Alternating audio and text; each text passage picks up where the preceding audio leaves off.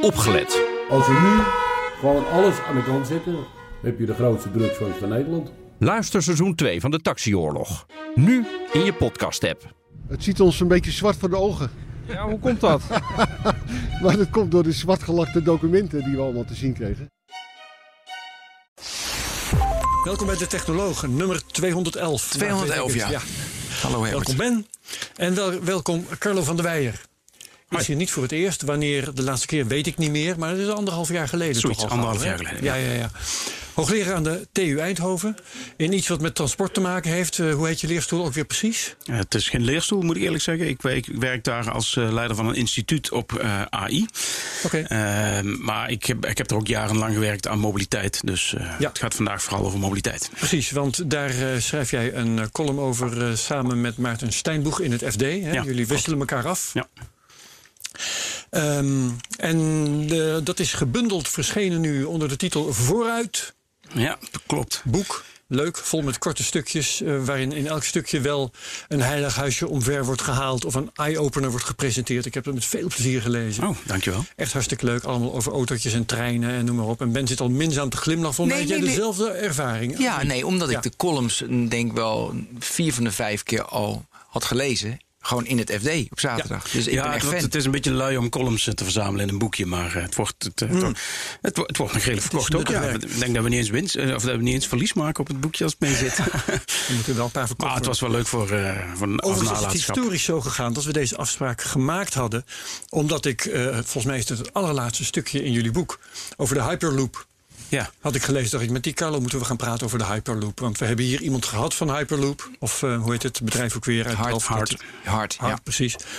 Ehm, en dat was heel positief, omdat ja, dus Ja, dat iemand was- die werkt daaraan en was, vond dat natuurlijk geweldig. Dat was En twee of drie jaar geleden. Nu eh, zou ze volgens mij al die lijn hebben van Maastricht naar Groningen. Nou, ik denk bijna 2020. Bijna klaar. hè? Was bijna klaar, toch wel. Dat werd toegezegd. Nee, ik overdrijf het best. Nee, Precies. het is eh, overigens eh, heel veel respect voor dat bedrijf hoor. Dat, zijn echt, eh, dat is, ge- Ja, het is geweldig om aan, aan, aan zoiets te werken. Eerst even mijn inleiding afmaken. Want dus, dus stukje gelezen.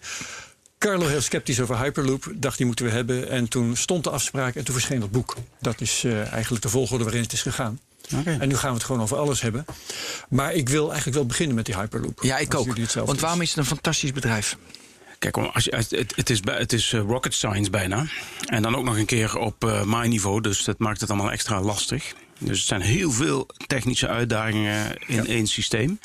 En dat is natuurlijk fantastisch om aan te werken. Dus er is bijna geen betere opleiding dan, eh, dan dit soort eh, ideeën najagen. Want je schrijft ook na al die sceptisch van die ingenieurs die daar nu aan werken. Daar komt het wel goed mee. Want die gaan vanzelf nuttige dingen doen. Daar komt het toch weer opnieuw. Ja, dat klopt. Maar noem kijk, we, doen, daar zijn wij in de, op de Technische Universiteit Eindhoven ook niet vies van om eh, hele rare ideeën na te jagen. Want dat, kijk, als, je- als je dat najaagt, kom je vanzelf bij allerlei dingen waar je anders nooit bij gekomen was. Dus als, als een onderzoeksonderwerp is het een geweldig eh, iets. Noem eens een voorbeeld van iets heel nuttigs dat is voortgekomen uit een zo'n hemelbestormend tot mislukken gedoemd project. En De tevalpan de, eh, de- dat van de ruimtevaart, dat soort dingen allemaal. eh, die hadden Is dat mythe, die tevelpan? Ja, ik geloof ik dat niet. Ja. Niet, laten we die papermate pen, weet je wel, met dat pompje daarvoor in. Pardon? de- de- zonder gewicht kun je niet schrijven met een balpen. Dus hebben de Amerikanen vanwege de ruimtevaart zo'n pompje in een pen gezet, waardoor Ja. hij ook op zijn kop kan schrijven. De Russen gebruiken hè? Dat, eh, Ja, en de Russen gebruiken gewoon een potlood. Dat, dat gaf meteen een beetje de samenvatting van het verschil in benadering van de ruimtevaart weer. Maar het, zijn dat soort dingen. We, we 500 hebben ook kijk, die, die, die zonnecellen. Dat op een auto en dan daarop rijden. Kijk, ten eerste dacht ik van dat kan niet met mijn wijsheid. En dan hebben wij toch een bedrijf die dat toch gewoon Ja, maakt. Die nu ook een deel van die technologie in samenwerking met de automobielindustrie verder ontwikkelt. Ja. Eh, en nog steeds, eh, ik heb hem ook besteld, die auto wil gaan bouwen. Dus het is ook vaak dat je denkt van nou, dat is, dat is een raar idee, dat gaat het niet worden. Dat, dat ze mijn ongelijk bewijzen. Wanneer is die auto er? Eh, die zouden 2021, Maar eind, wanneer ongeveer? Eind 2021 is die, eh, die Lightyear zou die, eh, beschikbaar komen. Ja. Ik heb hem al aanbetaald, dus ik hoop inderdaad dat dat Zo. gebeurt. Ik vind hem nog mooi ook. En eh, ja, of het allemaal werkt, gaan we dan maar kijken. Ja. Maar goed, de deeloplossingen van bijvoorbeeld zo'n Lightyear, dat, dat, dat zie je nu al in tal van dingen verschijnen. Ja. Ja. Wat is het bezwaar tegen de Hyperloop? Waarom kan het niet? Ehm, kijk, het, het, het, het, dat zijn, er zijn ontzettend veel moeilijke problemen, maar dat is niet het echte, eh, de, de, de echte kwestie. Het punt is dat je eigenlijk met een Hyperloop geen transportprobleem oplost. En dat, dat is eigenlijk. eh, dus het is een hele lastige oplossing. Ja. Op zoek naar een probleem, zoals ik het samenvat. Ja, we hebben al eh, verbindingen en eh, dat hele snelle tussen het ene uiteinde van het land en het andere, dat vind jij niet zo nodig. Ja, punt-naar-punt vervoer, zeker als het geleid is, is, eh, is, is geen alternatief voor vliegen. Het brengt ook niks aan de maatschappij. En dan hoor je ook wel vaak met de business cases die je hoort van, eh, ja, je kunt dan s'morgens opstaan in Amsterdam en dan ga je voor een vergadering naar, eh, naar München en dan ga je even naar Milaan een latte macchiato drinken en dan ga je in Berlijn naar de opera en dan ben je s'avonds weer thuis. En bij dat soort voorbeelden moet je altijd vragen: wat, wat is daar de maatschappelijke meerwaarde van? En je krijgt ook vaak van als je twee punten verbindt, dat dan een, bijvoorbeeld een, regio in ontwikkeling zich eh, mee kan liften op het succes van de andere kant van die verbinding. Nou, dat kun je op, op, op een sigarendoos ook redelijk uittekenen dat dat ook geen oplossing is. Dat is ook met, met high-speed rail al vaak gebleken dat dat gewoon niet werkt. Ehm, dus Nou, dus alle voorbeelden. Ik heb nog geen overtuigend voorbeeld gezien van waar, waarom Nee. wij zo gigantisch zouden moeten ontwikkelen en investeren en kosten moeten maken voor bijna geen maatschappelijk nut. Ja, de TGV geldt wel als een succes. Waarom is dat dan? Dat, daar zijn de meningen ook eh, over verdeeld. Eh, zeker de verdere uitbreidingen. Kijk, TGV is ook ooit gemaakt om, om verder te versnellen. Ze, en dat je tijdens het reizen ook iets anders kon doen.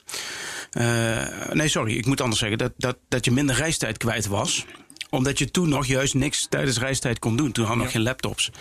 En tegenwoordig is dat met, met, de- met, het, met, het, eh, met de nieuwe technologie ook niet echt meer. Dus de, de, de snelheidswinst heeft geen economisch nut meer zoals dat vroeger had. En je hebt de voorbeelden van Lille dat zich redelijk heeft kunnen ontwikkelen omdat dat nu op een knooppunt lag.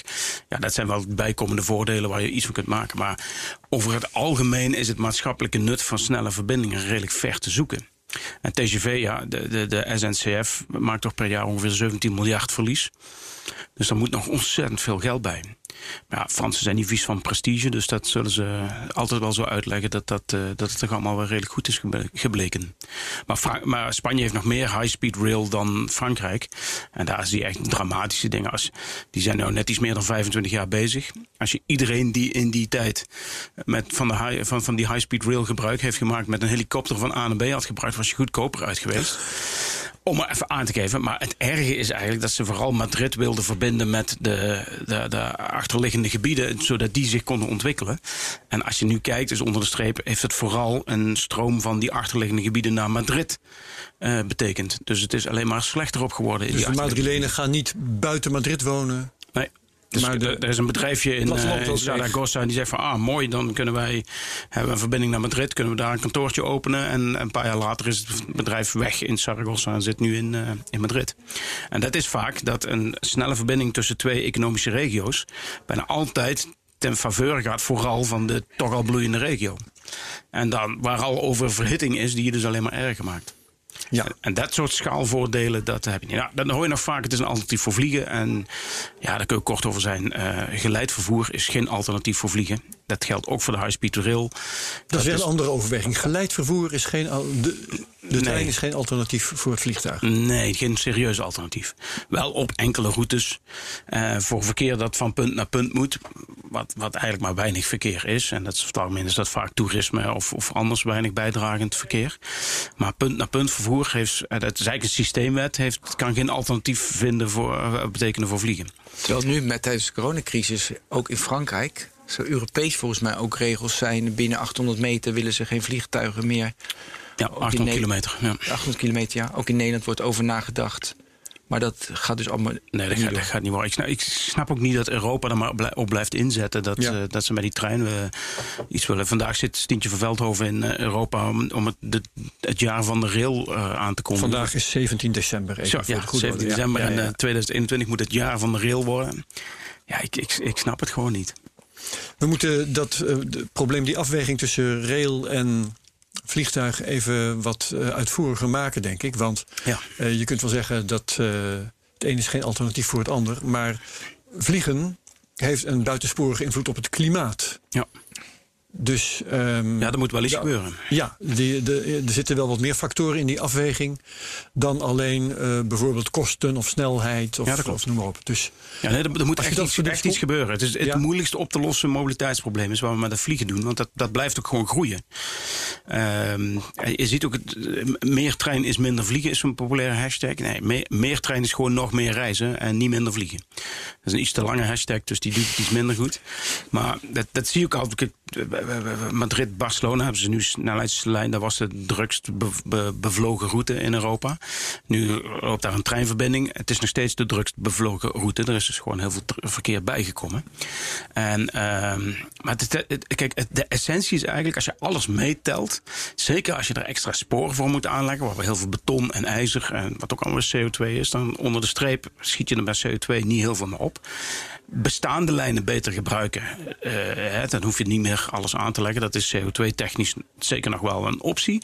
Maar dan heb je het maar over tussen de 2,5 en 4 procent, 4,5 procent van het complete vliegverkeer wat je nu hebt.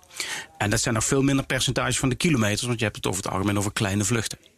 Die, en dat komt er nog een keer bij, zolang wij eh timeslot eh, eh, beperkt zijn. Hè, dus dus als, er, als er een vlucht uitvalt, komt er meteen weer een andere vlucht terug. Dus als die korte vluchten uitvallen, krijg je er lange vluchten voor terug. Dus dat is CO2-technisch ook niet echt een winst. Maar nog helemaal los daarvan is de enorme investeringen die je moet doen met treinen in plaats van vliegtuig per bespaarde CO2 is een factor 40 tot 50 slechter dan als je diezelfde investeringen doet, bijvoorbeeld om de industrie zuiniger te maken, om huizen te isoleren, om elektrische voertuigen of wat dan ook. Het en dat is de eh, niet- essentie. Dus als je dat geld allemaal spendeert om een paar kilo CO2 bij treinen te besparen, dan kun je dat beter in andere dingen doen waar nog veel meer potentieel en veel meer besparing voor je geïnvesteerde euro ligt. En dat hangt samen, eh, dat hoor ik i- in je woorden en het staat ook in dat bewuste stukje. eh, hangt samen met het feit dat je voor ehm, railverbindingen zoveel moet investeren. Omdat eh, vliegvelden zijn maar punten. Hè. Op dat punt Ja. eh, heb je dan een, een vliegveld en dan kun je, van, kun je eigenlijk overal vandaan naartoe. Ja, dat is, dat is die systeemwet die ik net al even noemde. Als je Oh, gewoon een aantal punten wilt verbinden met streepjes, ehm, dan, dan zijn dat heel veel streepjes eh, nou, als dat meer punten worden. Twee streepjes, of twee punten is één streepje. Drie punten zijn al drie streepjes. Met, met vier worden het al, als je overal een streepje tussenin trekt, eh, Ja. wordt het vier, zes streepjes. Dus in de praktijk niet helemaal, En dat- maar je illustreert wel dat Ja, het uit precies. de hand loopt. Met- het is, het is n maal n min 1 gedeeld door 2. Als je het aantal knooppunten hebt, dus bij 26 knooppunten kom je op 435 streepjes ertussen. Als dan de kosten in die streepjes liggen, wat je bij treinen hebt, dan wordt het een enorm duur eh, geheel om te verbinden. Eh, of je gewoon met, met hub en spook en heb je overstappen en zo, en dan Je kunt dat wel een mensen af. beetje. Ja, ja, ja. Bij vliegen heb je dus 26 vliegvelden nodig. Daar zit de investering in. En dan zijn de strepen relatief gratis. En daarom is een vliegverbinding veel schaalbaarder dan een treinverbinding. En daarom is vliegen zo goedkoop. Vliegen is niet goedkoop. Wat altijd maar gezegd wordt van ja, maar het wordt be- be- belasting. eh, eh, dus het, is dat maar, het wordt niet. Het wordt, wordt allemaal gesubsidieerd door er geen belasting op te heffen. En daar ben ik het ook compleet mee eens met die bezwaren. Wij moeten dat gewoon eerlijk eh, eh, belasten. Maar dan wordt een vliegticket in Europa maar een paar tientjes duurder. Een treinticket, als je dat eerlijk zou belasten, zou enkele honderden euro's duurder worden. En daar zit hem de essentie in. Trein is niet zo goed of niet zo duur omdat wij het allemaal oneerlijk belasten. Trein is zo duur omdat het een heel duur vorm van transport is. En vliegen is akelig goedkoop en efficiënt. In werkelijkheid, want de voorstelling van zaken die je de laatste tijd in de pers tegenkomt, is dat vliegen eigenlijk heel eh, duur is, ehm, maar dat dat wordt gemaskeerd door geen belasting op kerosine en ja, dat soort zaken. alles meer. Ja, en dan wordt- Maar en jij zegt is dus dat is een valse voorstelling van zaken. Ja, kijk, er zijn heel veel studies voor. En die, die, natuurlijk Ja. zit er een bandbreedte in hoe die dat eh, berekenen. En dan kun je de maatschappelijke schade berekenen. Dat moet je ook doen. Ja. En dan zeggen ze, ja, maar er zit geen accijnzen op. Ja, maar die accijnzen zijn dan weer om die maatschappelijke schade tegen moeten doen. Dus moet je niet dubbel tellen. Bovendien wordt dan vaak de accijns van benzine gepakt. Eh, terwijl die er vooral is om wegen aan te leggen en eh, alle maatschappelijke kosten te compenseren. Dus ja, dat, dat is geen eerlijk, want dat is veel lager. Dus als je het echt eerlijk zou belasten. eh, va- vaak wordt er ook van alles bij Follow the Money werd zelfs de parkeerplaats en de weg naar de luchtvaart. Terwijl die toch door de auto's betaald worden. Maar die werd ook nog meegerekend. Dus dat was helemaal eh, eh, eh, off topic. Maar als je het echt goed eerlijk bekijkt, CE Delft heeft daar de eerlijke cijfers over. Heb je het echt over tientjes per Europese vlucht. Ja. Dat is het. En dan zeg je ook nog, ehm, in plaats van die, eh, de CO2-belasting van, eh, laat ik zeggen, de klimaateffecten tegen te gaan door op te houden met vliegen. Kun je eh, veel goedkoper klimaateffecten tegengaan door elders eh, Ja. in de wereld eh, CO2-productie tegen te Ja, houden. dat klopt. En dan hou je dus nog niet, dan heb je nog wel het probleem van dat ontzettend moeilijk duur, duurzaam te maken vliegen. En daarom ben ik alleen al voor een behoorlijke CO2-prijs, zodat inderdaad dat vliegticket een paar tientjes duurder wordt. Dan krijg je niet minder vluchten door, maar dan heb je in ieder geval meer geld wat je ophaalt. Om te zorgen dat de, de, de duurzame alternatieven die gaan ontstaan voor vliegen, dat die ook eerlijk eh, of eerder economisch eh, uitkomen. Want je kunt theoretisch vandaag al vliegen met kerosine die je maakt van water, van, van eh, eh, elektriciteit, water en CO2. Dan kun Kunstmatig geproduceerde- volledig Ja, ja, duurzame synthetische circulaire. Dat is nu nog niet zo zinnig. Want we hebben A, nog niet genoeg elektriciteit om daar allemaal maar dure brandstoffen van te maken. Daar kun je beter eerst ergens anders voor gebruiken. Ehm, eh, maar, maar er komt een tijd dat die elektriciteit inderdaad zo goedkoop wordt en zo duurzaam wordt dat het, dat het wel een keer sluit, omdat samen met Ja, CO2 bovendien die uit de lucht dat uitvangt. eh, als er pieken zijn in de productie van duurzame energie. precies. Daar is het Ja, een nu wordt er gesproken om daar waterstof van te maken. Het lijkt mij iets handiger om daar een vloeibare brandstof van te maken. Dan kun je hem veel makkelijker, goedkoper en efficiënter opslaan. Dan ben je wel wat extra rendement kwijt. Maar dan is het hele proces daarna van opslag en transport zo verschrikkelijk veel efficiënter. Bovendien past zo'n brandstof ook in traditionele vliegtuigen. Hoef je dus heel je infrastructuur en je precies, vloot niet aan te passen. En over 30 jaar, om even vooruit te kijken. Ik denk echt dat we over 30 jaar niet anders weten dan wij eigenlijk 100% duurzaam vliegen. En dus als je nu gaat investeren in hoge snelheidslijnen en hyperloops en al dat soort dingen. Ja, dan moet je niet vergelijken met het huidige vliegverkeer, maar dat over 30 jaar. Want dan komt dat pas echt goed op gang. Ja, en, dat, en dan is er gewoon geen enkele modaliteit die van dat behoorlijk duurzame vliegen gaat, eh, gaat winnen. En daar moet je dus over nadenken. Dus daarom, zie ik geen enkele toekomst voor geleid vervoer. Ja, ik wil even dat duurzaam vliegen, dat is dus een andere type brandstof. Dat is het enige. Als we dat hebben, wat je net. Nee, dat, dat, is- dat is een goede opmerking die je nou zegt. Je moet een andere brandstof, dan heb je nog steeds een lawaaierig vliegtuig wat opstijgt. Dan heb je nog steeds die strepen in de lucht, al zijn die wel stukken minder. Want weliswaar stoot je wel water uit. Het is water wat je ziet. Maar die strepen ontstaan op kristallisatiekernen die, ge- die gemaakt worden door, ehm, door de roetuitstoot. Dus zonder roetuitstoot zou je wel wateruitstoot hebben, maar geen strepen. Nauwelijks, veel minder. Ja, ja, ja. Ja, dat, is, dat is even de essentie van die strepen. En eh, je kunt met schonere brandstoffen ook wel eh, significant minder roetuitstoot hebben, waar je ook veel minder van die strepen krijgt. Want dat heeft op zich ook weer een opwarmend effect. De herrie is, is, blijft dan ook wel een, eh, Dingetje. een dingetje, ja. Dus we, we worden wat stiller. Maar dan moet je eigenlijk gaan kijken van, moet je die herrie vergelijken met dat je of met de auto naar Spanje rijdt of met de trein naar Spanje rijdt. En weliswaar zijn die wel wat stiller, alleen die hebben wel over het hele traject geluidsoverlast.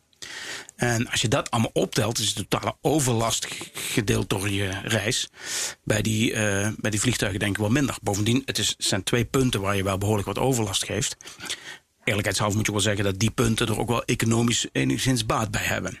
Dus als je in Alsmeer woont, heb jij ook wel wat profijt dat je een luchthaven in de buurt hebt en dat er een economie draait daardoor. Bij treinen woon je halverwege de verbinding. Heb je elke keer zo'n zo'n lawaai-ding door je tuin rijden. En de profijt zit eh, links en rechts 300 kilometer verder.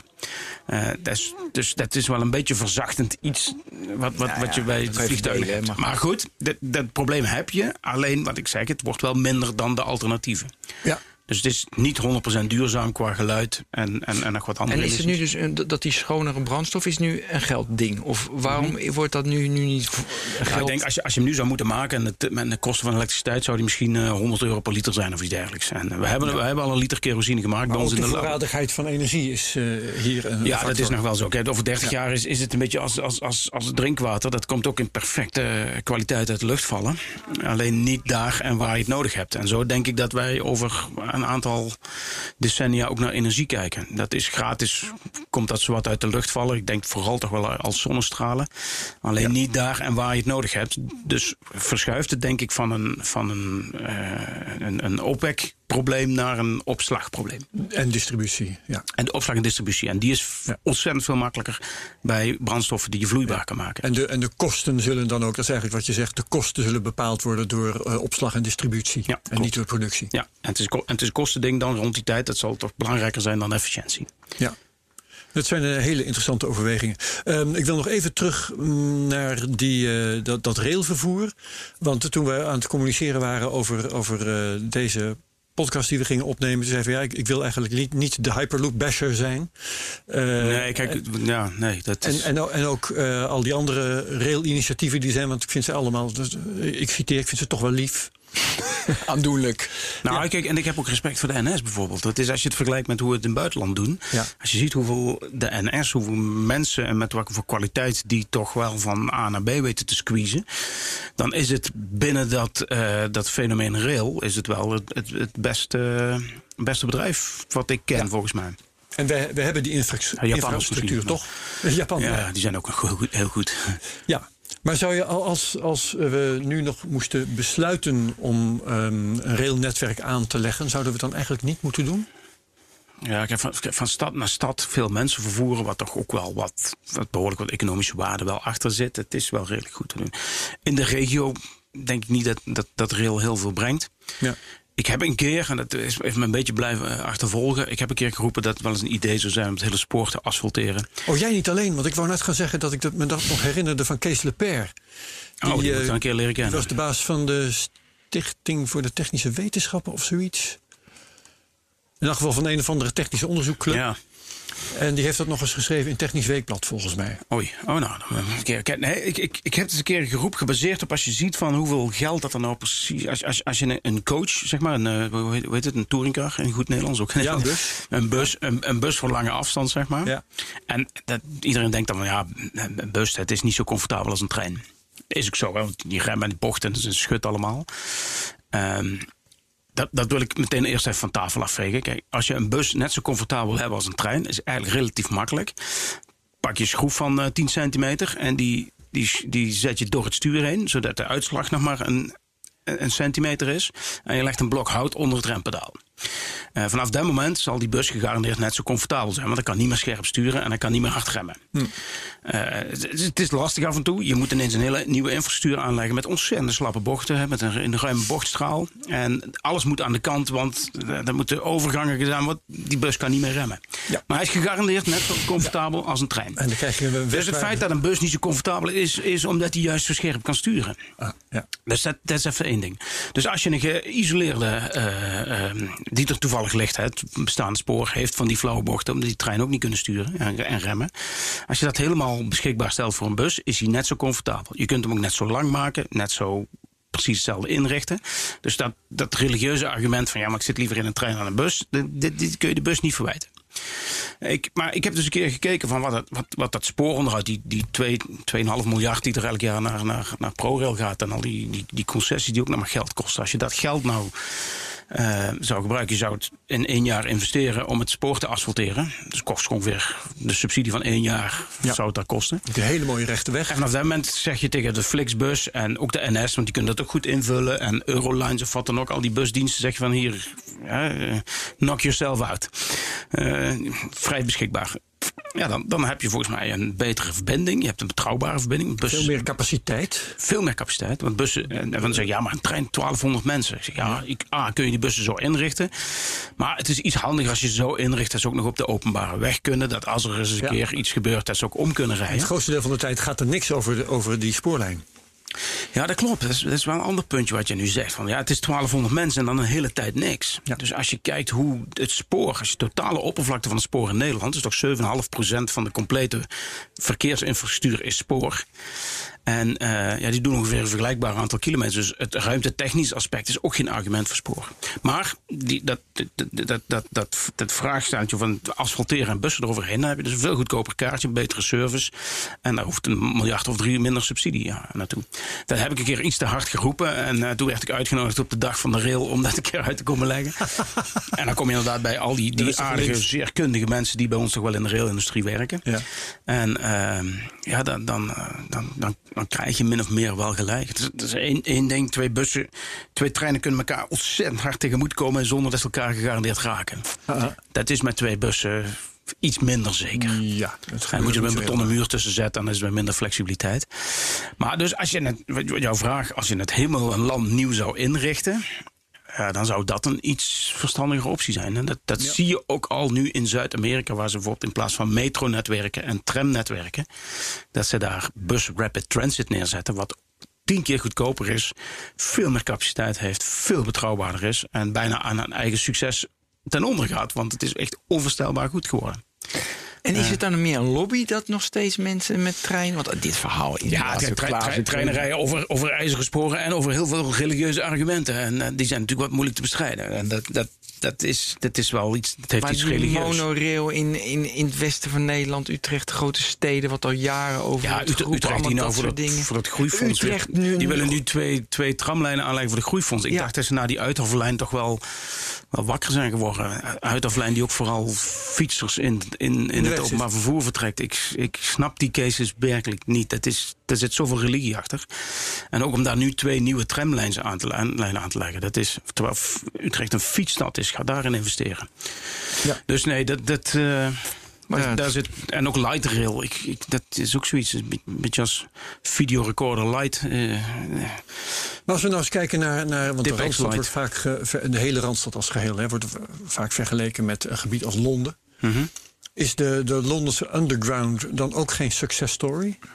Ja, jawel, jawel. Kijk, maar dit is. Pompt een mensen door de stad. Ja, dat is onvoorstelbaar. Kijk, metro heeft de de corridorcapaciteit van metro is natuurlijk extreem hoog. Ja. Busreppen transit ligt nu iets hoger.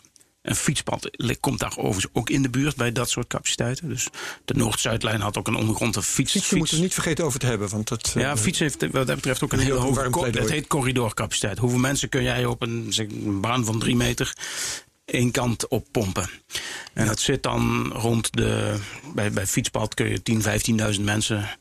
Eh, metro heeft Ja. theoretisch kan dat 20, 25.000 mensen. Busreppen Transit heeft zelfs voorbeelden van tot de 60.000 mensen in één richting. In India heb je treinen met 100.000, maar dat zijn die treinen die Waar mensen op het dak zitten. compleet lang zijn en de mensen op het dak en eraan hangen en zo, dan haal je 100.000. Nee, serieus, dat is, Dat is per- dus wordt vaak gezegd, trein heeft een corridorcapaciteit van 100.000. Maar dat is, dat is India, Pakistan, India's. Bangladesh kind of stuff. Maar het is 100.000 per, per uur per richting. per uur per richting. Per drie meter eh, spoor. Maar over, over die, die In Nederland halen wij nergens 10.000 op het spoor. die underground, eh, is dat dan de uitzondering die de regel bevestigt? Nee, Of- dat, is echt een dat is een noodzakelijk kwaad om zo enorme eh, hoge dichtheid te krijgen. Dat is, dat, anders, anders krijg je de mensen daar helemaal niet in vervoerd. Dus dat komt eigenlijk impliciet met dat soort stedengrootte. Boven de miljoen heb je dat soort investeringen nodig. Oké, boven een bepaalde maar dat, daar moet altijd subsidie bij. Juist. Eh, London Underground maakt winst, maar dat komt dat ze de sporen zo wat gratis krijgen. Ja, Ik, ik kan, als ik het café gratis krijg, kan ik ook een eh, goede kroeg draaien natuurlijk. Hè. Dat is, Ja, eh, nou de- precies. Dus, dus dat is inderdaad jullie punt. Als je ehm, de, de, het spoor vereist eigenlijk geweldige openbare investeringen voor het fatsoenlijk kan draaien. ja, dat Dat, klopt. is- dat is eigenlijk waar het over gaat. En de essentie is eigenlijk dat het altijd waard is geweest, dat soort investeringen, omdat er enorm veel maatschappelijke voordelen aan zitten. Openbaar vervoer is veiliger, schoner. Je kunt werken tijdens je reistijd. Het is Belangrijk. hogere capaciteit. Het is eh, ja, allemaal dat soort. Min- minder eh, energieverbruik, minder, minder uitstoot. De, de essentie wat nou aan het veranderen is, en dat hoop ik ook een beetje naar voren te brengen, is dat door die, die enorme snelle op- opkomst van de technologie. Al die voordelen aan het afbrokkelen zijn. Het was ook nog het poormans transport. Dat is het niet meer. De auto is goedkoper geworden. En, en ah, dus het openbaar vervoer moet wel op zoek naar andere argumenten. Ja, want eh, even kijken, wat noemde je? De, de, eh, de auto wordt veiliger dankzij technologie. Hè? De dingen eh, afstand houden. Nou ja, Ben weet er alles van. eh, Tesla, autopilot, bla bla Ja. bla. bla. Ja, Eh, door dat. En, gewoon- en, en we kunnen ook nog de infrastructuur een stuk veiliger maken. Een combinatie van investeringen in infrastructuur, vrijliggende fietspaden en zo, dat zijn allemaal de goede investeringen. Dus het is nu al zo dat als je kijkt naar het aantal reizigerkilometers, of zeker naar het aantal reistijd, want daar moet je eigenlijk mee vergelijken hoeveel uren zit je in een bepaalde modaliteit, dat het aantal ongevallen bij openbaar vervoer niet lager is. En het aantal doden door openbaar vervoer is ook niet per reizigerkilometer zoveel lager dan bij auto's.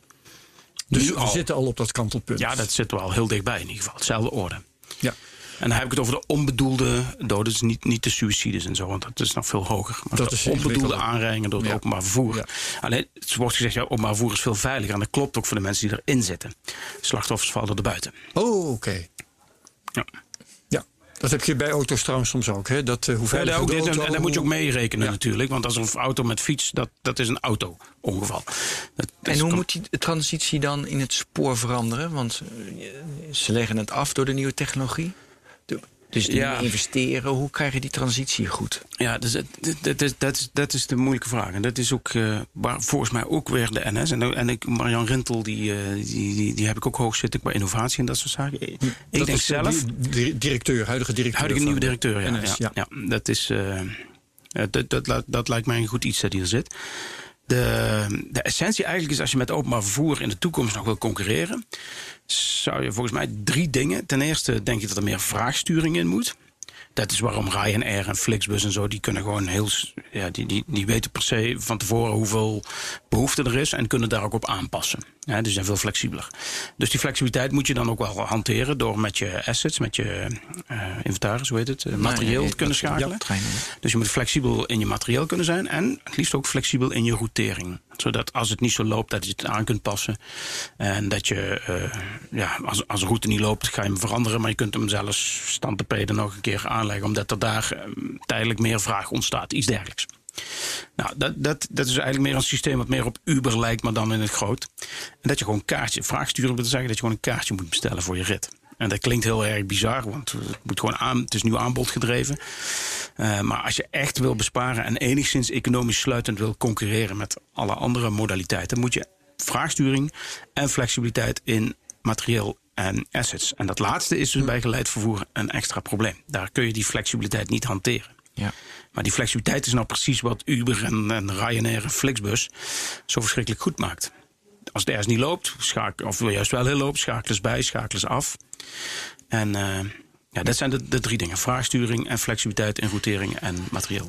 Ja, ik dacht aan eh, zeg maar Zandvoort. Dan hebben ze wel vraagsturing, hebben ze meer, want er zitten ze meer treinen in als Zandvoort is. Ja, precies. Ja, Maar kijk, voor de rest heb je niet zoveel van Ik, ik heb een keer de case bekeken van de Maaslijn. Dat is een lijntje wat van 61 kilometer van wat Roermond naar Nijmegen loopt. En daar, dat rijdt nog op diesel, dus dat gaan ze elektrificeren. En alleen die draadtrekker kost iets van 200 miljoen euro. En hier en daar krijgen ze dubbelspoor waar het nu enkel is. 200 miljoen euro. Ik heb toen eens bekeken van laten we dat gewoon asfalteren, twee baans. Berekend ben eens naar VDL gegaan van wat kost zo'n beetje langere bus die als trein inricht. En ik kwam voor 50, de meest luxe versie kwam ik voor 50 miljoen dat het compleet belegd is.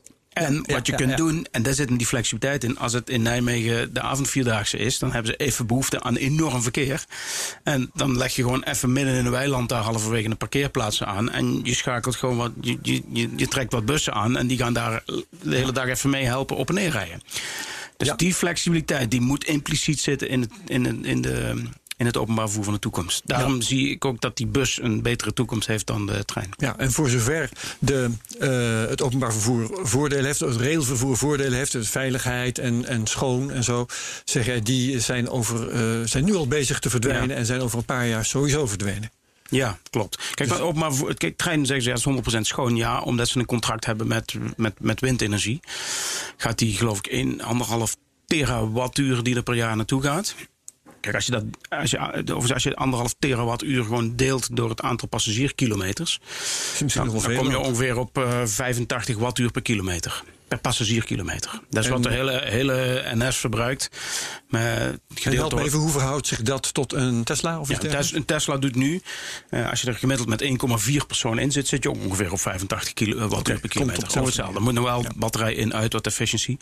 Maar eigenlijk, dat is per kilometer. Eigenlijk moet je het per tijd dat je erin zit en dan wint het een Tesla zelfs, omdat die wat langzamer of daarom Nou, dat is, dat is heel erg. Maar het is, Ja. het is nu al, het elektriciteitsverbruik is gewoon vergelijkbaar. En het feit dat het ene windstroom is, het ander niet, dat, dat, ja, daar kun je met Tesla kun je ook windstroom bestellen. Ja, nou was, eh, stelde Ben net de vraag: eh, wat moet je dan doen om het openbaar vervoer of het railvervoer te redden? Je kunt de vraag ook anders stellen. Nee, te transformeren, zei ik. Te transformeren. Want goed, voor, mij mag het weg. Ja, nee.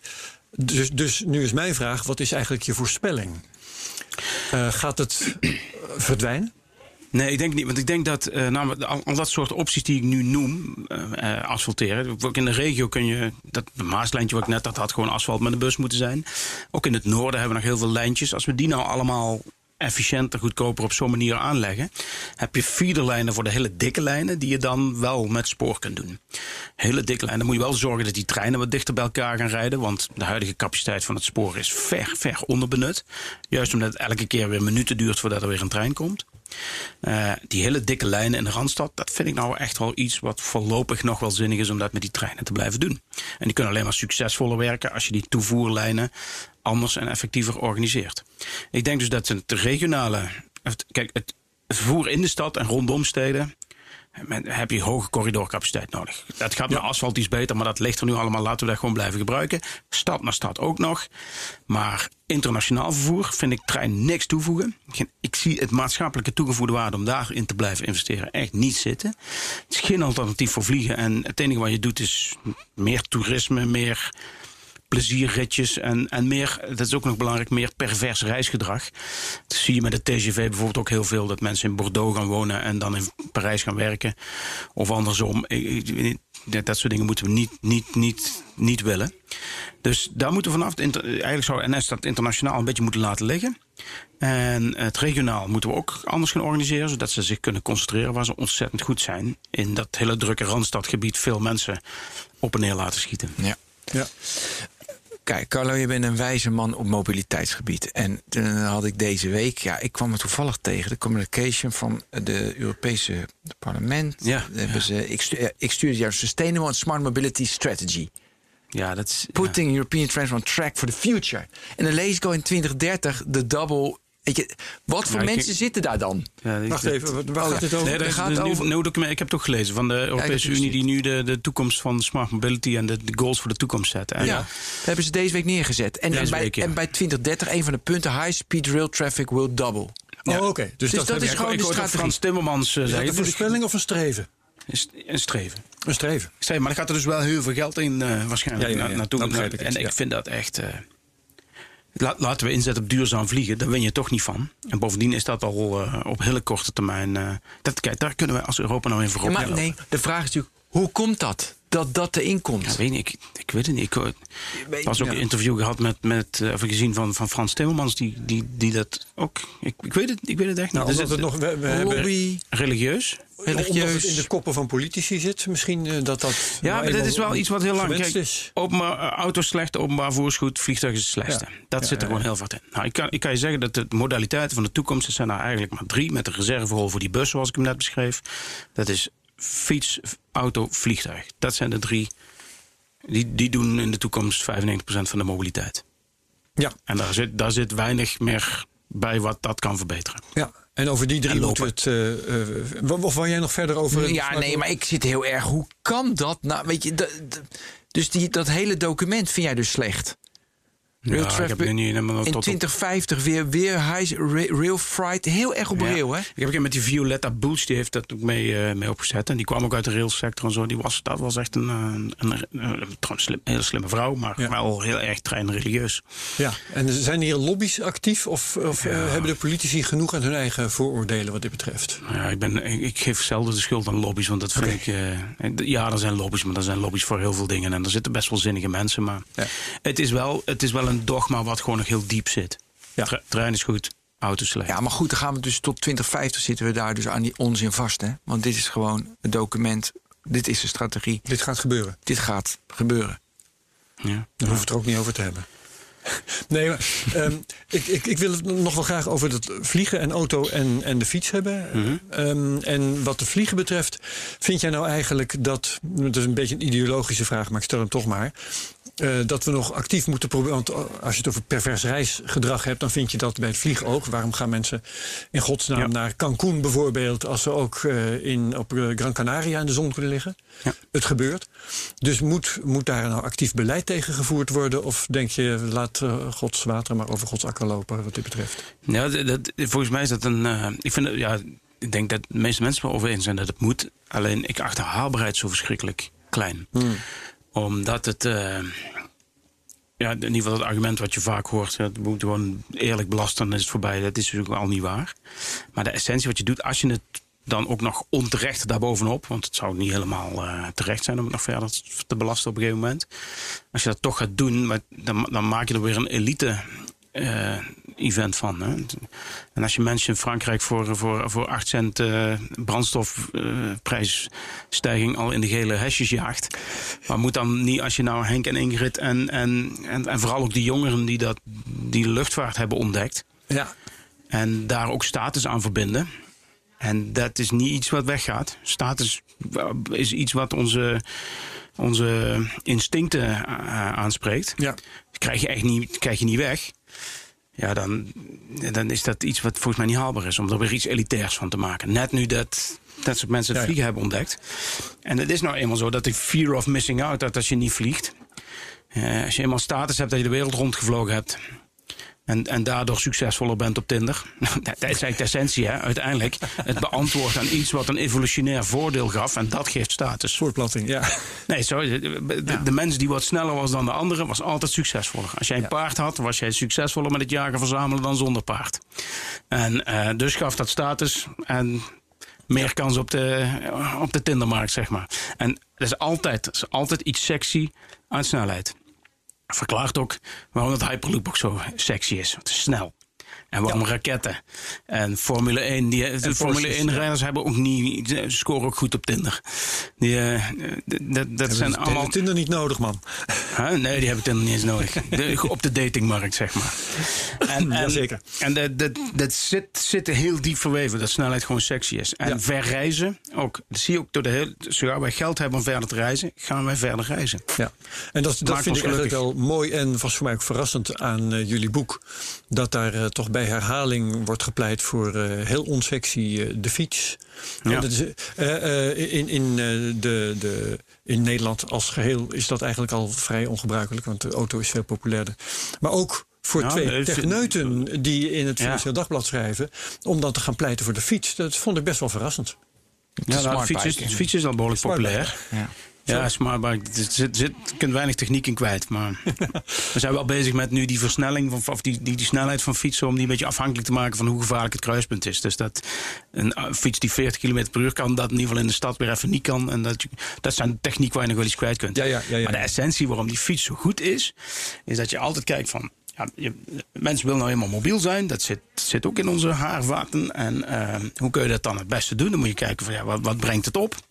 Geluk. Het feit dat je onderweg bent, ben je er blij mee. Dan moet je nog wel wat, economie kunnen draaien.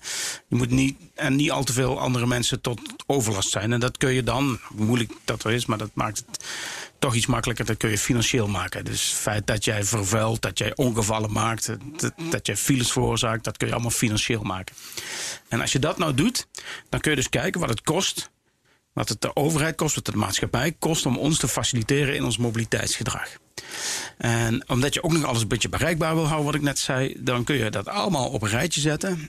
En dat, dat is eh, zo objectief mogelijk bekijken wat dan de beste modaliteit is. En dat wint gewoon. En dan heb ik er lopen misschien even niet meegenomen, maar dat is de fiets verreweg het beste. Fiets overigens is wat sommige dingen nog wel beter dan lopen. Want lopen zijn wij niet zo'n energetisch goed uh, uh, systeem. Maar als we op een fiets zitten, zijn wij efficiënter, minder energie per kilometer dan welk beest ook. Dat is wat ons mens maakt. Het feit dat wij zelf eigenlijk niet zo'n succesvolle soort zijn, maar omdat wij techniek hebben, kunnen wij in combinatie met een fiets alle dieren verslaan. Ja. Zo, zo, dat, is, dat gaat helemaal terug naar de essentie. Nou, en als je dus dat allemaal doet voor alle modaliteiten, wat het nou kost en wat het dan aan overlast geeft, ja, dan is de fiets verreweg de winnaar. De auto doet het dan ook niet slecht. Die heeft weliswaar veel overlast en daar moet je wegen voor aanleggen. Maar schijnbaar zijn wij zo blij met die auto dat wij iets van 22 miljard per jaar aan accijns en belastingen betalen. Wat ruimschoots dat allemaal vergoed. Of ongeveer dat vergoed als je alle maatschappelijke kosten meetelt. Dus je auto is neutraal. Vliegtuig zit daar dichtbij. En andere modaliteiten moet gewoon heel veel geld bij als je die sommen maakt. En dat, dat komt dan eigenlijk de essentie bij. Als, je, als dan dadelijk die duurzaamheid en al die andere dingen, als we dat met technisch oplossen, dat we het impliciet ja. veilig en schoonmaken, komt het uiteindelijk daarop neer. En dan komen die drie modaliteiten bovendrijven. Ja, nou haalde je net bij uh, het vliegtuig, haalde je onze primitieve driften uh, tevoorschijn. Ja. Um, ik denk dat die ook wel aan het werk zijn bij de auto. Ja. Want uh, mensen willen ontzettend graag uh, verder van hun werk wonen. Niet speciaal om, omdat die afstand zo fijn is, maar omdat je verder van dat werk meer keuze hebt uit, uh, uit prettig wonen en zo. Ja, dat is um, dat, nou, nou kom je eigenlijk bij de economische factor. Waarom dat verhoging van actieradius goed is. Ja.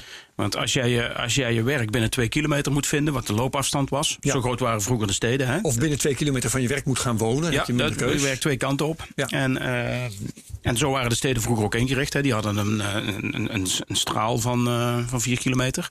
Een doorsnede van vier kilometer. Eh, want dat was ongeveer wat jij kunt bereiken. En naarmate wij sneller zijn geworden met paarden en zo zijn die steden meegegroeid.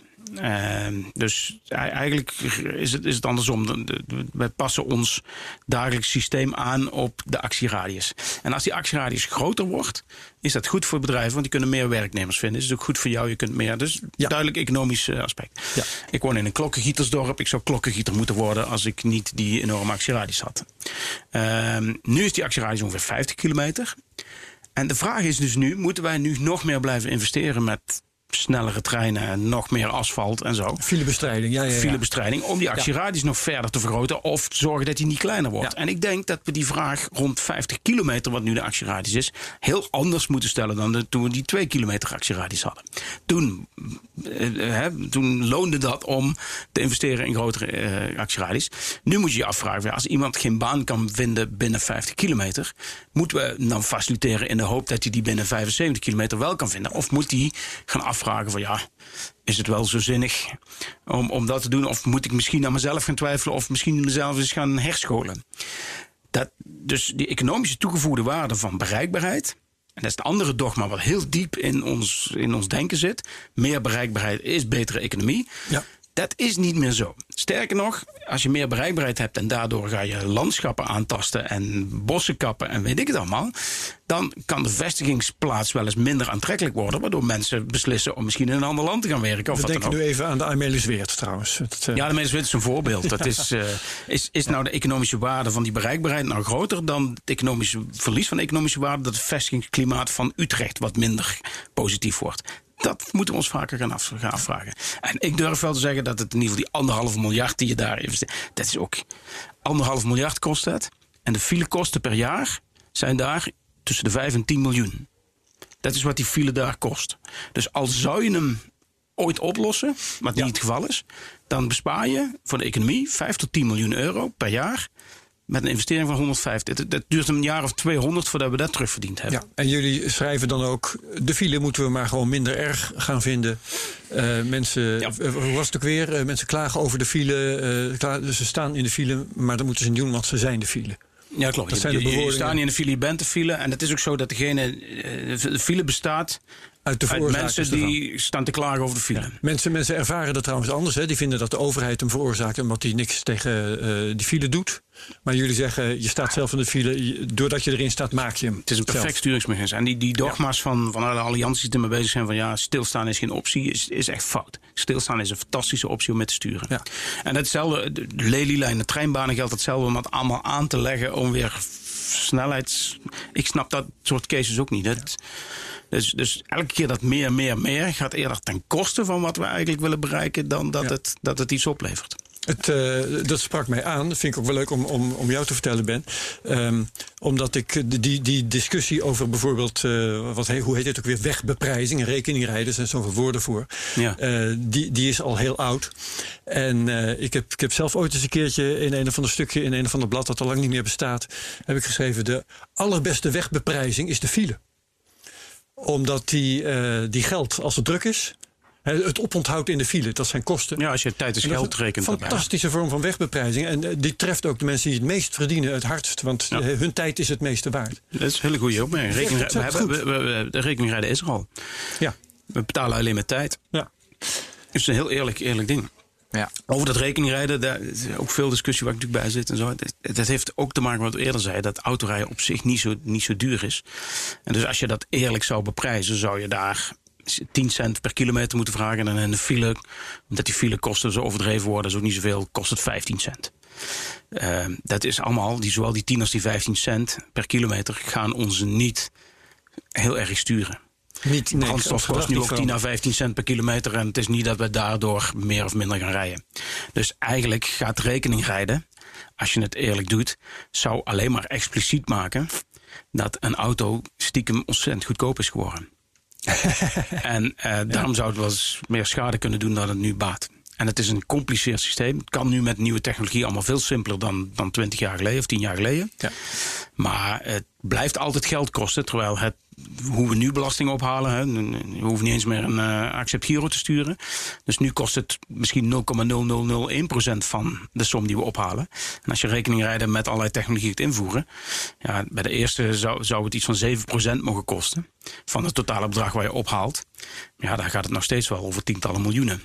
Dus dat is wat dat betreft ik denk zelf dat we op een gegeven moment gewoon moeten besluiten om er vanaf te zien. Dat voorspel ik. Want het is gewoon niet uh, uh, zwaar genoeg om echt een echt sturend effect mee te kunnen hebben. Ja, en te meer omdat, uh, wat, wat ook ergens in het boekje staat. Um, mensen vinden de file blijkbaar gewoon niet erg genoeg. Anders nee. dan veranderen ze nu al hun gedrag wel. En als je een beetje doorvraagt met mensen die in de file staat. Ja.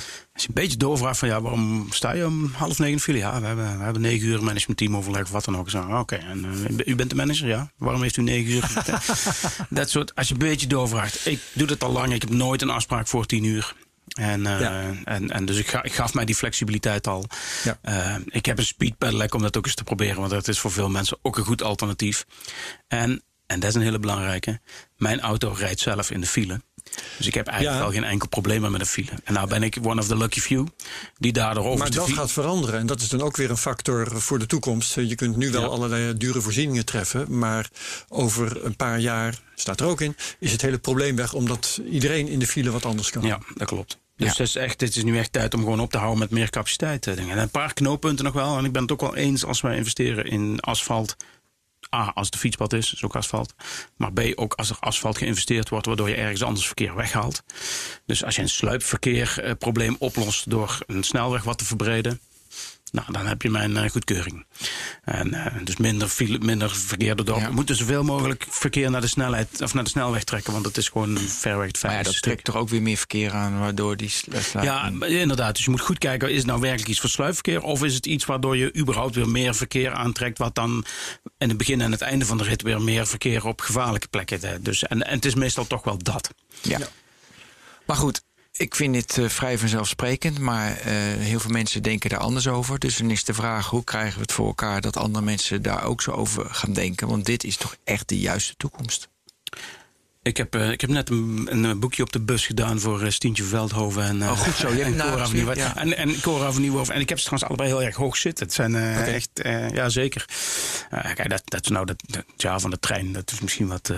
en, en die Amelisweert. Dat zijn oprichters meer vanuit de achterban. Ik weet niet wat dat is. Maar als je ziet wat, wat ze voor fiets gedaan heeft... en vooral Stientje Veldhoven op fietsen allemaal betekend heeft... en hoe ze toch wel die agenda een beetje aan het verschuiven zijn... van het klassieke asfaltdenken. Hoe Cora van Nieuwenhuizen in veiligheid heeft geïnvesteerd en dat toch weer een stapje hoger heeft gezet. Lang niet hoog genoeg, want investering in veiligheid is verreweg het belangrijkste wat we moeten doen. Maar toch, uh, dat is een kentering die, die we toch de laatste jaren gezien hebben. Dus ik ben zeker niet ontevreden over onze bewindspersonen. Maar als ze. Dan moet sneller. We, we, hebben trouwens ook een Engelse versie van het boekje laten drukken. Dus uh, oh ja, forward. Dat wist ik niet. Forward. Op lecturis.nl kun je ze allebei bestellen, vooruit en forward. Maar. Uh, uh, nee, we hebben, dus heb ik ook tegen de minister gezegd van, uh, nou, we hebben een speciaal Engelse versie laten drukken, zodat ze eventueel haar collega's uh, kan opvoeden. Ja. Maar, je, je vertelde ja. net van, dus twee kilometer was de grens en nu is het 50 en nu is het klaar. Economisch, economisch, economisch is het klaar. Ja, dus maar eigenlijk, waarom ik zeg, 50, waarom niet 60, waarom niet 40 en dat soort uh, omdat het, kijk, het aantal banen wat er binnen jouw actieradius binnen zit, is binnen 50 groot genoeg. Dat is eigenlijk wat op ja, baan. Het gaat om ook goed. Ja, in Amsterdam is het gaat, weer anders dan. Het gaat exponentieel omhoog. En, uh, ja, maar de actieradius over tijd is in Amsterdam niet zoveel anders dan in uh, Doetinchem of zo. Want dan heb je weer een grotere actieradius. Ja. Dan kun je met de auto rijden, wat op zich ook helemaal niet zo'n probleem is. En um, dus ik denk dat we het in Nederland, we hebben in Nederland geen achterligging en, en, en, dat we allemaal naar steden trekken, wordt ook enorm overdreven. Uh, 70% van de, van de mensheid woont in uh, stedelijk gebied, zegt iedereen. En dat klopt ook wel. Maar let op, dat is niet stad, dat is niet grootschat, dat is stedelijk gebied. En volgens die norm is Nederland al 93% verstedelijkt. Ja. Dus daar horen onze grotere dorpen eigenlijk heel Nederland bij. En uh, dat is denk ik meer het, het, het polycentrische muziekmetropool doet het niet zo slecht qua wat je allemaal kunt bereiken binnen je tijd en hoeveel kwaliteit van leven je hebt. Dus uh, ja, daar, daar, gaat een beetje de toekomst heen. Uh. Helder. elektrisch wordt het nieuwe normaal, dat vind jij ook, Ben? Ja. Ja. Ja, dat is, Is dat, ja? En, niet- en niet omdat het nou zoveel schoner is, want het, het, het emissieprobleem is ook, staat ook in het boekje, is, is banden niet meer uitlaat. Eh, ja dat, dat was ook een mooie, ook een eye-opener. ja, banden. Banden zijn het nieuwe Ja. emissieprobleem. Ja, je, gaat- je gaat eh, elke vijf kilometer. En dan is het vooral trouwens microplastics. Het is fijnstof een beetje, Ja. maar ook microplastics. Nou, microplastics die gelukkig in Nederland nog afgevangen worden door het SOAP. Dat wordt dan schoongemaakt en dan vangen we 95% terug daarvan. Maar er komt ook heel veel in het oppervlaktewater. Als je kijkt, de microplastics in de zeeën komen eigenlijk voor het grootste gedeelte van banden. Is dat zo? Ja. Wauw. En eh, omdat even, we zijn allemaal rietjes aan het verbieden. Mhm. Als je kijkt hoeveel microplastics eh, jij verliest van je banden bij normale slijtage. Dan heb ik niet over de banden die we weggooien als ze klaar zijn. Nee, van normale slijtage. Als je een band op jouw auto legt, is hij een, een aantal kilo's zwaarder dan dezelfde band die je eraf haalt. Dat ben je kwijtgeraakt onderweg. Als je deelt door het aantal kilometers, dan weet je dat je ongeveer elke vijf kilometer zo'n rietje uit het raam gooit.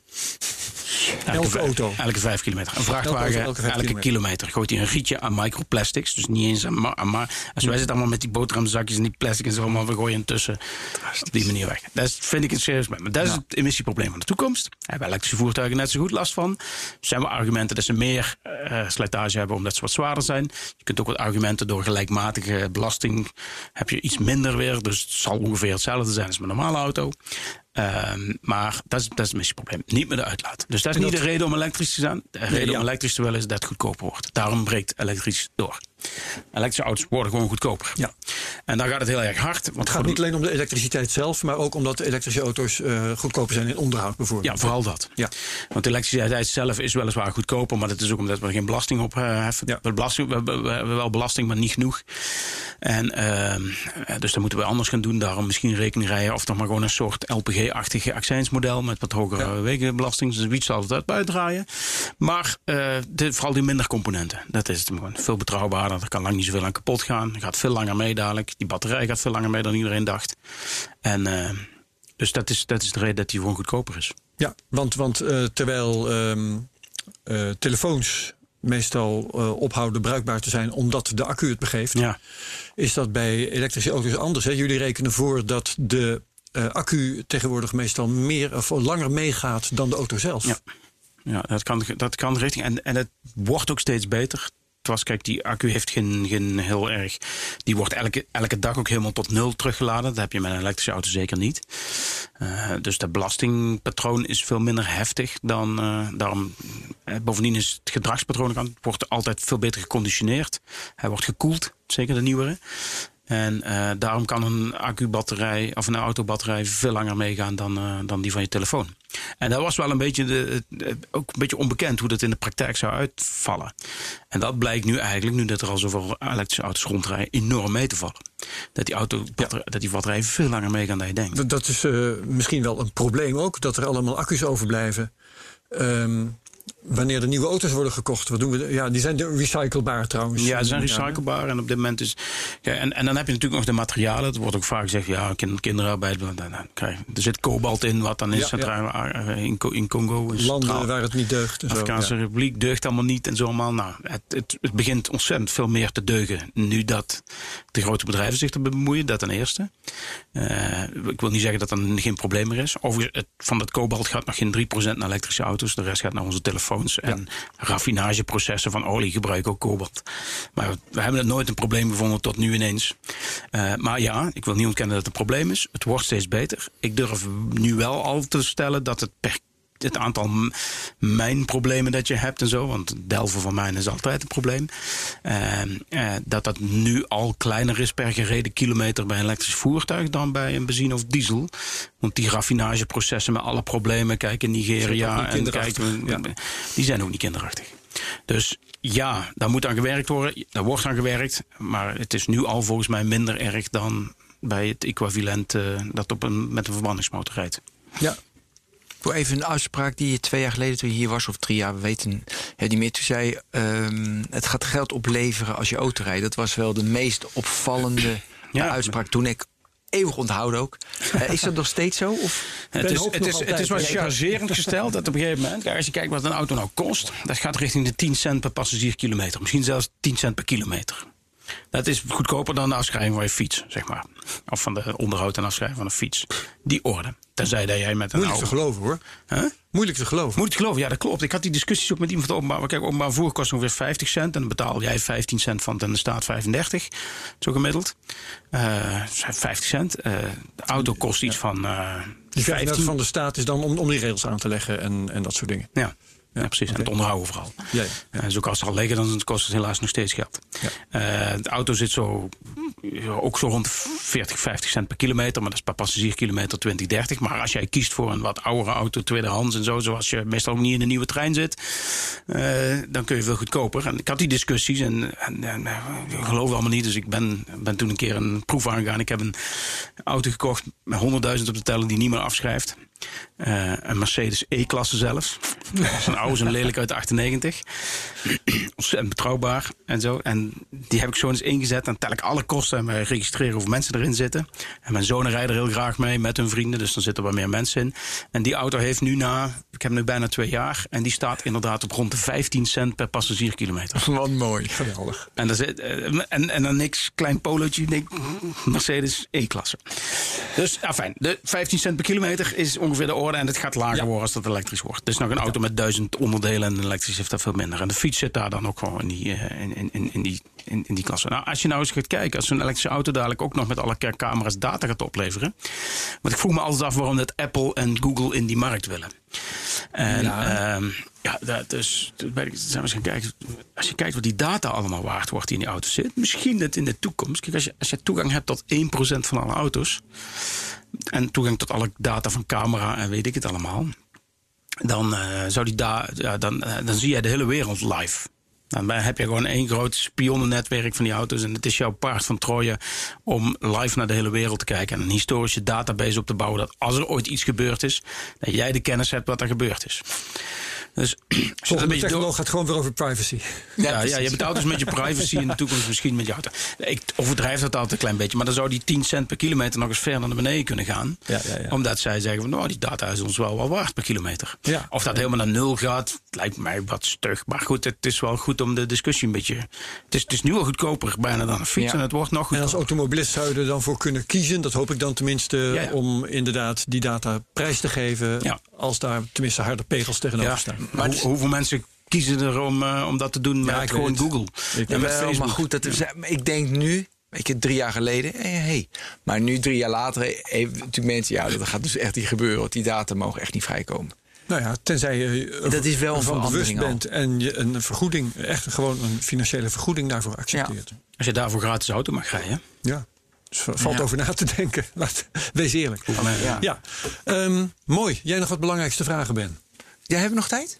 Nee, maar vraag het toch maar. Ja, ik vond dat varen op ijzer, dat, dat, fascineerde me ook. Maar dat is een heel ander onderwerp. Ja, dat is, moet je wel een boekje lezen. Maar dat is inderdaad, je, Ja. kunt, je kunt ijzerpoeder kun je Ja, dat ook vond ik een mooi verhaal. kun je verbranden. Ja. En dan krijg je oxide, krijg je roest. En dan kun je in een centrale, het is eigenlijk een soort van batterij, maar dan een vrijliggende, begin gesloten batterij, een open batterij. Je kunt het gewoon verbranden in een verbrandingsmotor en dan de roest, roet afvangen. En dat ergens in een elektriciteitscentrale weer tot ijzerpoeder maken. En dan weer terug naar die boot. Dat zou een manier zijn om, eh, om duurzaam te varen. Dat moet concurreren met die synthetische brandstoffen die we eerder noemden. Ja, ja, ja, ja, ja. ja. Niet meer waterstof, dat is te veel gedoe. Waterstof is, is interessant voor de hele procesindustrie. Het is ook een tussenproduct waarschijnlijk na die duurzame brandstof. Maar we gaan geen auto's op waterstof krijgen. Misschien een paar vrachtwagens, maar zelfs daar twijfel ik geloof ik. Niet rijden op waterstof, maar op ijzer.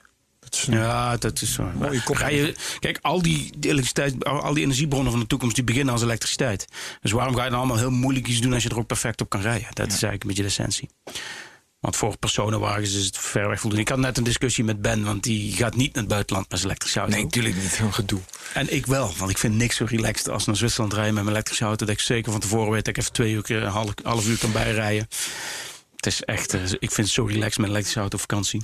Ja, Dus, jij eh, vindt, daarvoor- vindt gewoon die laadpalen met een of andere app. Ja, dat is allemaal redelijk goed georganiseerd. Ik had al Tesla, ik rij nou iets anders. Maar daar is ook een perfect eh, hoge, hoge... Die laat nog twee keer zo snel, die auto die ik nu heb. Dus dat is helemaal... eh, Ik ben twee jaar geleden ben Ook ik nog eens door Frankrijk wezen rijden. Mooi. Ja, dat mag ik- niet in de openbaarheid. leuk, twee keer zo snel is gelijk ook auto Heel slecht. Ik ga meteen over autootjes praten. Ja, ik heb, ik heb nou een, eh, een betere Tesla, zeg maar. De Duitsers kunnen blijken het toch heel goed te kunnen. Even, even, is die echt beter? Ja, die is, het is echt een, een, een, echt een veel betere auto. Maar is de autopilot ook beter? Ik kies alleen maar auto's. Is, autopilot. nee, hij is niet zo goed, maar hij is ontzettend veel beter dan ik dacht. Maar het is eigenlijk een, het is een auto met fantastische hardware, met wat knullige software. En, en als je dan terugkijkt op de Tesla, is dat een auto met fantastische software, Ja. met behoorlijk knullige hardware. Ja. En eh, dat autorijden, dat blijkt toch wel over hardware te gaan. Als ik kijk hoeveel ontzettend ik geniet van die auto nu. Interessant. En daarom denk ik, dat is een beetje vooroplopend op. eh, ik denk dat die Duitsers het uiteindelijk toch wel gaan winnen. En de klassieke automobielindustrie. Ja, dat is, dat is een spannende waar ik niet helemaal Nou, van overtuigd ben. ook Ik denk dat er zeker plek is voor Tesla. Maar als je nou ziet wat. eh de Duitsers waren nooit zo heel erg snel met hun innovaties. Maar dan uiteindelijk kwamen ze een paar jaar later en dan was het toch altijd beter. Ik vind hem interessant, omdat natuurlijk is het hardware of software, de combinatie, net zoals je iPhone. Nou ja, dan niet, maar iPhone, een hele goede combi. En, eh, en ze zeggen natuurlijk, een, eh, een Tesla is een iPhone op wielen. Maar jij zegt hardware is toch wel. Dus, eh, dus essentieel al die disrupties waar je het over hebt. Hè. Dus Het Kodak-moment en dat soort allemaal van de automobielindustrie. Ja, dat klopt. Maar dat is alle Kodak en Winkler Prins en de Free Record Shop en zo. De CD-industrie zijn allemaal vervangen door een 100% digitaal alternatief. En auto zal nooit een 100% digitaal alternatief is... totdat wij een of andere Nee. virtuele omgeving hebben... waar wij gewoon Maar de grote vraag wordt dan... prijzen... En, en dan is de disruptie niet zo snel als in die andere... Wie gaat het eerst het trucje van de ander onder de knie krijgen? Precies. Gaat Tesla eh, goede, eh, goed ijzer maken of gaan de Duitsers eh, goede software maken? Wat de denk jij? Dat is, eh, kijk, mijn column van komende van Oké. De eerste column van 2021 gaat erover, 3 januari. Eerste als, je mij volgt het op, boekje? als je mij volgt op LinkedIn, daar, daar zet ik hem altijd wel even op. Maar eh, kijk ook vooral gewoon op het FD. En dan ja, voor het volgende boekje misschien. Maar dat gaat er inderdaad over. Ik, ik weet dat niet. Gaan het, het is in ieder geval niet zo dat je bij, net als bij andere disrupties, dat de, dat de start-up en de complete industrie overmeestert. Maar gaan de klassiekers het lukken om te digitaliseren? Of gaan de digitale het lukken om een hardwareauto te maken? En het is voor iemand die ook raketten kan bouwen, eh, heeft hij ook nog een keer bewezen dat, dat, hij, dat hij het wel kan. Ik ben nog steeds zwaar onder de indruk van hoe goed dat, dat allemaal gelukt is. Ja. Eh, maar er zijn ook heel veel daarnaast die het niet gelukt zijn. De Dyson zou ook even een auto gaan maken. Miljarden op afgeschreven, toch maar niet. Ja, Clive veel- Sinclair, weet Dyson? Clive Sinclair. Ja, Van, ja, eh, dat klopt. Ja, de, ja. de ZX Spectrum. Ja, ook op een gegeven moment had hij een Er voertuig. stond pas in te koop, Marktplaats. Dat is leuk, ja. Ja, is het zo? Ja, dat is een leuk ding. Nee, er zijn er heel veel geweest in de geschiedenis die even een auto gingen bouwen. Nee, dat is toch niet zo makkelijk, want dan kom je in die, eh, die fysieke wereld. Dus dat, dat, dat is, die, die strijd is nog niet gewonnen. En ik denk dat er wel plek is voor allebei in de toekomst. Daar komt het op neer. Maar schrijf die eh, klassieke automobielindustrie niet af. Oké. Anders rij maar eens even in zo'n Duits product. Je, je mag hem best een keer een weekendje lenen hebben. Hij gaat het doen hoor. Ja, ik vind mij een nieuwe auto. Dus de- nee, ik ben gelijk mee. Ja. Oké. Nee, eh, die, eh, die, ja, nee, en dan nog uitgebreid dat Porsche is een traditioneel merk die gewoon echt om emotie gaat, die over acceleratie en geluid gaat. Ja. Hè, het geluid van de Porsche, daar kocht Ja, je ja, Porsche ja, voor. En- de Porsche is het autoshow, enige automerk wat naast Tesla volgens mij dit jaar meer heeft omgezet dan vorig jaar, ondanks alle corona-ellende. Het meest Jaguar verkochte model is elektrisch van Porsche. En daar zit, gewoon, daar zit ook ziel in van een auto. Dus dat is, het gaat toch iets verder dan een eh, plankje op wielen. Goed zo.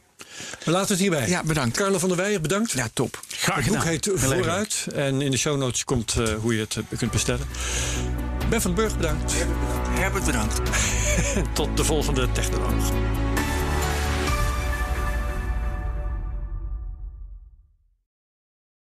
Ook Thomas van Zeil vind je in de BNR-app. Je kunt live naar mij luisteren in Zaken doen, de BNR-app met breaking news, het laatste zakelijke nieuws en je vindt er alle BNR-podcasts, bijvoorbeeld Het Nieuwe Geld. Download nu de gratis BNR-app en blijf scherp.